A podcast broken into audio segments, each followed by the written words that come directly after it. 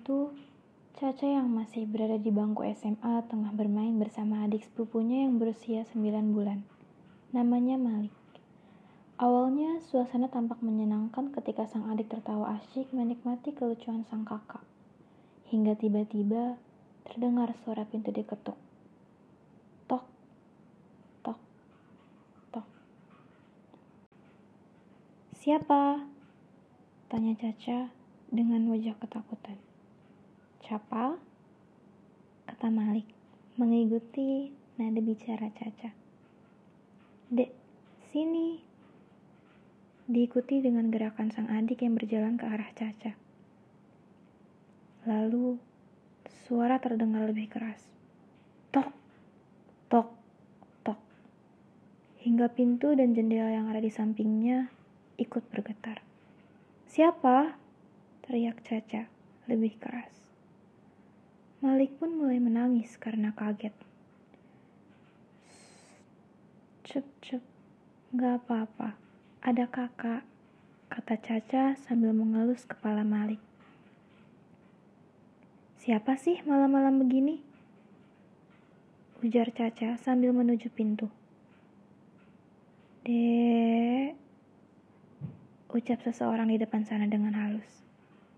Jangan main-main, aku tonjok kamu kata Caca sambil berdiri menuju pintu dan mengepalkan tangan. Kemudian pintu terbuka, menampak. Kemudian pintu terbuka, menampilkan wajah sang abang, Isa, dengan tawa kerasnya karena berhasil menakuti adiknya sendiri. takut nih ye, kata Isa sambil meledek dan masuk ke dalam rumah. Apa sih? Gak lucu tau bang. Tuh lihat Malik, nangis gitu. Dasar jahat, kata Caca dengan muka marahnya. Lah, emang belum dijemput sama Kanasya? Tanya Isa sambil meletakkan sepatu dan tasnya. Belum, abang jagain ya, aku belum ngerjain PR dari tadi, kata Caca.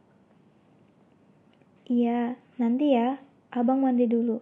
Nih, makanan kata Isa sambil memberi sekantong plastik sambil memberi sekantong plastik berisi makanan ke Caca. Bentar ya Malik, nanti kita main. Abang mandi dulu, sambil mencupit pipi Malik. Ah, ah, ah, kata Malik berteriak. Setelah Isa selesai setelah Isa selesai mandi, ia melihat adiknya tengah menggendong Malik yang tertidur. Wajar. Ini sudah pukul 9 malam dan sang ibu belum juga menampakkan batang hidungnya. Isa bersiul. Apa? Jawab Caca. Sini Maliknya. Udah sana kamu kerjain tugas. Kata Isa sambil mengambil alih Malik dari gendongan Caca. Makan dulu yuk bang. Seru Caca sambil mengambil makanan yang sudah dipindahkan ke piring. Ini kan tangan abang lagi megang Malik kata Isa. Ya ilah bang, kan bisa disuapin. Gak usah sok-sok malu gitu napa sih? Kata Caca. Ah, ujar Caca sambil menyuapi sepotong sushi ke Isa. Ke Isa. Keesokan harinya, Caca kembali ke sekolah. Ia berangkat naik mobil bersama abangnya. Mereka kebingungan karena tumben sekali jalanan di depan sekolah benar-benar ramai sampai ada mobil dan juga polisinya. Polisi, pikir Caca.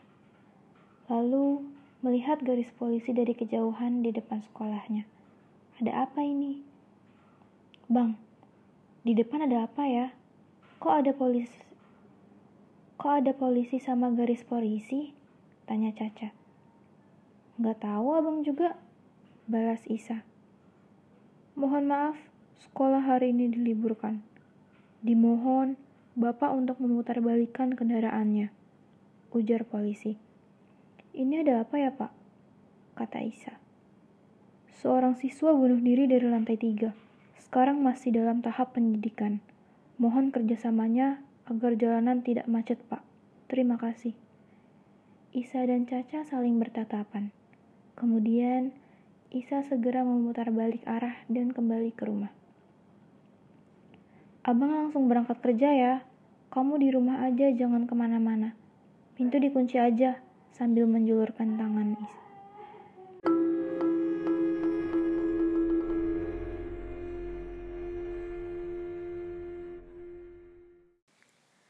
Eh, lu tahu nggak? Kejadian kemarin kan dicabut laporannya sama pihak keluarga. Ucap siswi satu melambaikan tangan untuk mengajak. Oh ya? Wah, gila-gila. Orang tuanya kan galak banget. Balas siswi dua dengan mimik wajah tidak menyangka. Iya, dan lo tahu, anak murid maupun guru nggak dibolehin buat datang ngelayat. Bisik siswi tiga. Demi apa sih? Parah deh. Padahal kan buat ngedoain si mayat juga. Sahut siswi satu. Dengar-dengar sih keluarganya memang terkenal sadis dan kejam gitu, timpal siswi 4. Caca banyak mendengar kabar burung tersebut selama jalan melewati lorong.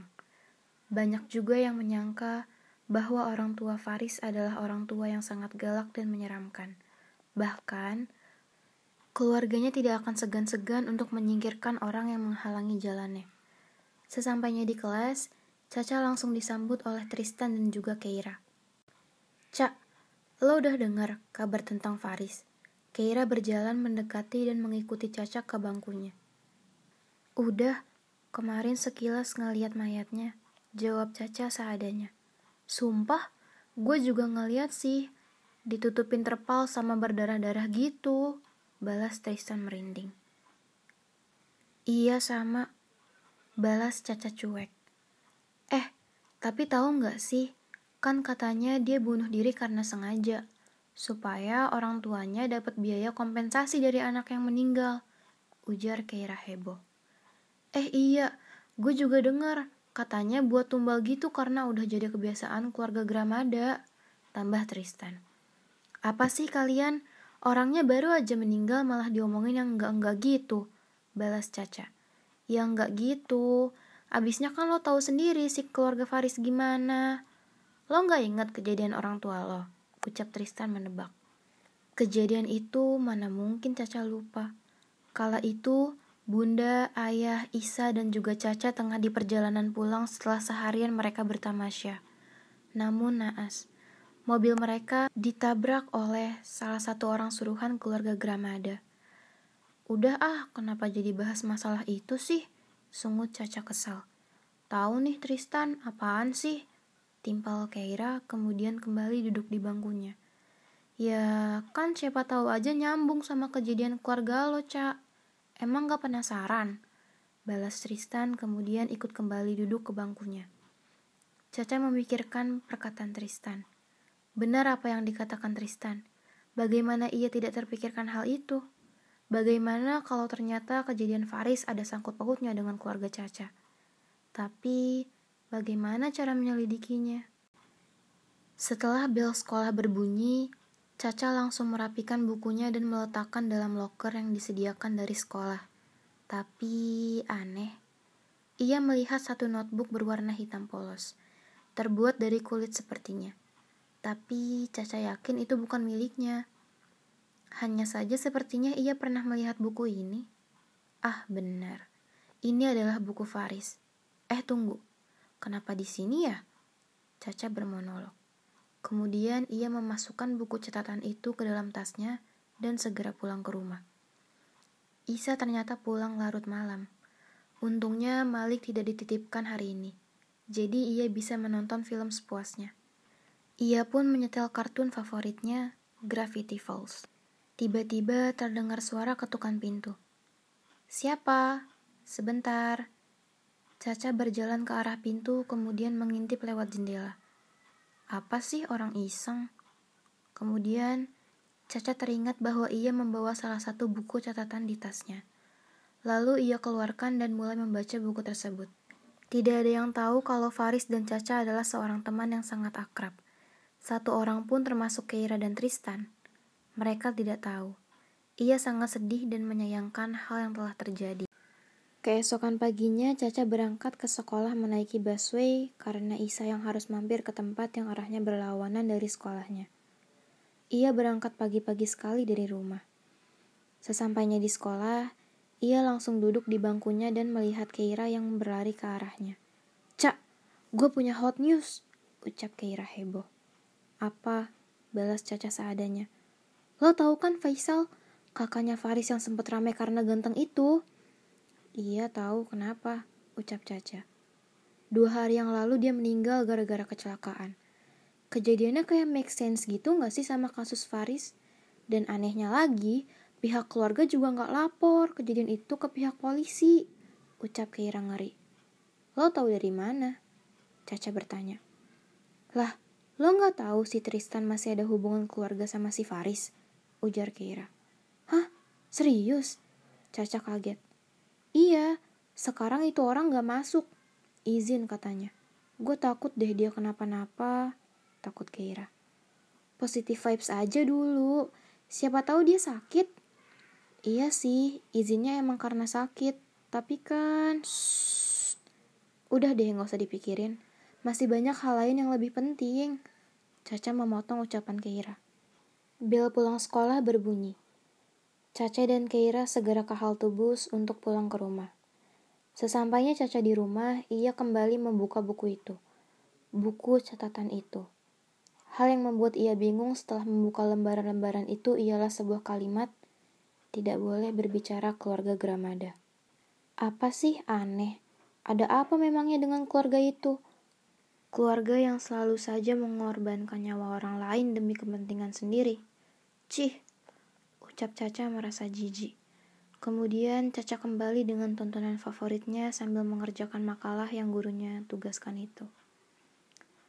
Sesaat setelah laptop dinyalakan, wallpaper laptop itu berubah. Padahal itu laptop milik Caca dan ia tidak pernah mengubah apa pun kecuali file-file tugas. Wallpaper itu bertuliskan T selanjutnya. Tapi Caca tidak ambil pusing, karena ia pikir Bang Isalah yang mengubahnya. Setelah matahari tenggelam, ada suara mobil yang memasuki rumah. Pasti Bang Isa, pikir Caca. Dan benar saja, itu adalah Isa dengan dua kotak stik di tangannya. Widih, dalam rangka apa nih? Tumbenan. Caca mengambil kedua kotak stik dari tangan Isa. Eits, cium pipi dulu baru abang kasih.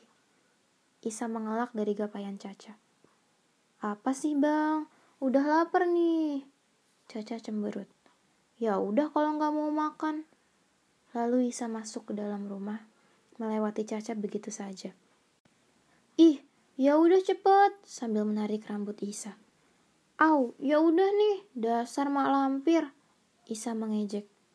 Bodoh amat, le. Caca menjulurkan lidah. Ade tidur di bawah ya, ucap Isa. Iya, balas Caca. Setelah selesai makan, Caca langsung membersihkan bekas piring yang telah dipakai. Isa segera mengunci semua pintu yang ada di rumah juga dengan jendela. Setelah itu mereka tidur. Namun, saat tengah malam ketika Caca tertidur pulas, tiba-tiba saja selimutnya ditarik entah oleh siapa. Bang, Gak usah iseng, ucapnya sambil tertidur. Lalu kakinya ditarik dengan kencang. Caca pun langsung terbangun dari tidurnya. Ia terkejut setengah mati setelah melihat abangnya ternyata tengah tertidur pulas. Ia memeriksa ke samping tempat tidur, tapi tak ada seorang pun. Kemudian terdengar suara cakaran kuku. Ketika ia melihat ke atas, makhluk itu tersenyum ke arah Caca. Mulutnya lebar, juga panjang. Bang, bang, bang, bangun bang. Menggoyangkan badan Isa. Kenapa dek? Isa melihat Caca yang ketakutan. A, abang lihat itu enggak? Ucap Caca terbata sambil melihat ke atas. Mana? Orang gak ada apa-apa. Ih, kamu kentut ya? Busuk banget baunya, dek. Ujarnya sambil menyalakan lampu. Bu, bukan adik. Sumpah, Bang. Tadi ada orang mirip Tristan. Ta tapi mulutnya tuh beda. Terus nyakar-nyakar atap. Caca tergagap. Kemudian terkejut melihat bekas goresan kuku di atap. Apa sih? Isa melihat ke atap. Abang lihat kan bekasnya? Tanya Caca. Bang, Caca menggerakkan badan Isa yang terdiam kaku. I iya lihat, balas Isa. Lalu berakhir dengan Caca dan Isa yang tertidur di depan ruang televisi. Tentu saja dengan televisi yang menyala semalaman. Setelah sinar matahari menampakkan rupanya, Caca dan Isa mulai bersiap untuk melaksanakan kegiatan sehari-hari. Mereka hanya diam membisu karena memikirkan kejadian semalam. Ketika Caca sampai di kelasnya, suasana terasa haru.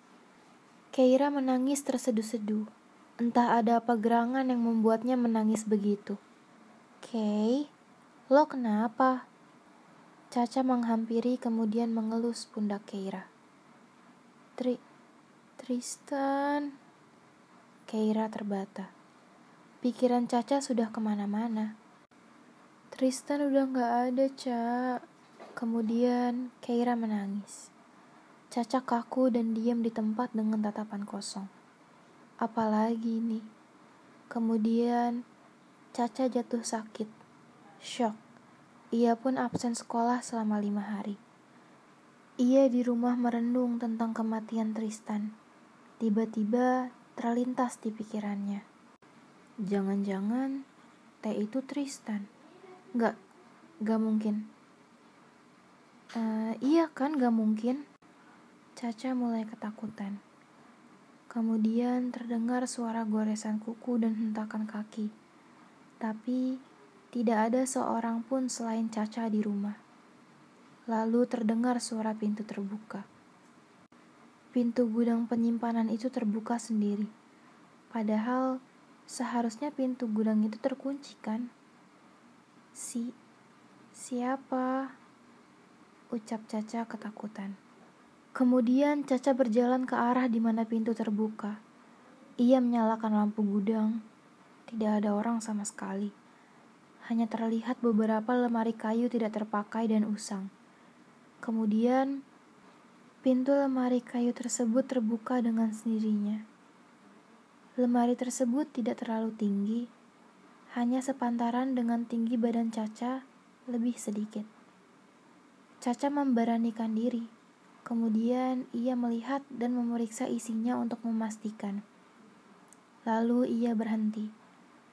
Rambut itu menghalanginya. Sebentar, rambut? Ia menengok ke atas. Kemudian Setan itu tersenyum seram sebelum kemudian melompat ke arahnya dari atas lemari. Caca berteriak sangat kencang. Isa yang baru saja sampai di rumah dan mendengar teriakan tersebut langsung berlari secepat kilat dan menjatuhkan makanan yang ia beli saat perjalanan pulang. Ia mencari keberadaan adiknya. Isa berlari ke arah Caca kemudian memegang tubuhnya. Dek, kenapa? Ucap Isa panik. Caca mengelak karena mengira itu adalah setan. Isa memegang wajah Caca. Caca yang melihat ternyata itu adalah abangnya langsung memeluk. Caca menangis. Kemudian Isa menenangkannya. Sialan, ada apa sih ini? Batin Isa dalam hati. Setelah Caca tenang, ia kembali ke kamar dengan buku catatan milik Faris yang belum sempat ia selesaikan. Di halaman itu tertulis, Ingat perintah di halaman sebelumnya. Ini kutukan, dan kau tak akan lolos dari kutukan tersebut kecuali satu cara. Bakar rumah itu. Bakar rumah? Caca membeo. Rumah siapa? Rumah keluarga Gramada. Tidak mungkin kan untuk membakar sebuah rumah yang sebesar itu. Kemudian Caca membuka halaman berikutnya. Di sana tertulis, di tempat penyimpanan, ia tersembunyi. Mata mungkin tidak melihat. Di sana semua kutukan bermula. Bakar hingga hilang. Jangan mengambil barang dari sana. Jangan mengucap yang tidak-tidak, atau kau akan berakhir sama saja. Sesegera mungkin Caca datang ke kediaman keluarga Gramada. Ia melewati rumah Kera. Tapi rumah itu penuh dengan kerumunan orang-orang dan juga terdapat garis polisi. Dengan tubuh yang bergetar hebat, Caca berjalan ke arah rumah itu. Terdapat sebuah mayat. Tidak mungkin kan? Batin Caca. Namun, naas. Pikiran tentang Keira yang mati menjadi nyata. Di sana terbaring jasad Keira. Caca jatuh ke tanah. Kakinya tak sanggup untuk menopang tubuhnya sendiri. Ia menangis, kemudian berjalan ke arah di mana mayat Keira bersimpuh. Namun, polisi melarangnya karena sedang dalam proses penyidikan. Polisi itu menahan tubuh Caca. Caca mengelak dan memaksa untuk masuk ke dalam sana. Namun, ia tak berhasil. Dan di sinilah ia berakhir, tempat pemakaman umum, di mana Keira dikuburkan. Ramai orang yang mendoakannya. Suasana sangat haru. Ibunya bahkan tak berhenti menangis dan memanggil nama Keira. Pihak keluarga pun menenangkan sang ibu. Ayo kita sudahi ini, pikir Caca. Kemudian, ia segera membawa satu jerigan penuh minyak tanah beserta satu korek gas di tangannya. Kediaman itu memang sudah lama ditinggalkan keluarga Gramada setelah kematian orang tua Caca. Ia memasuki rumah itu.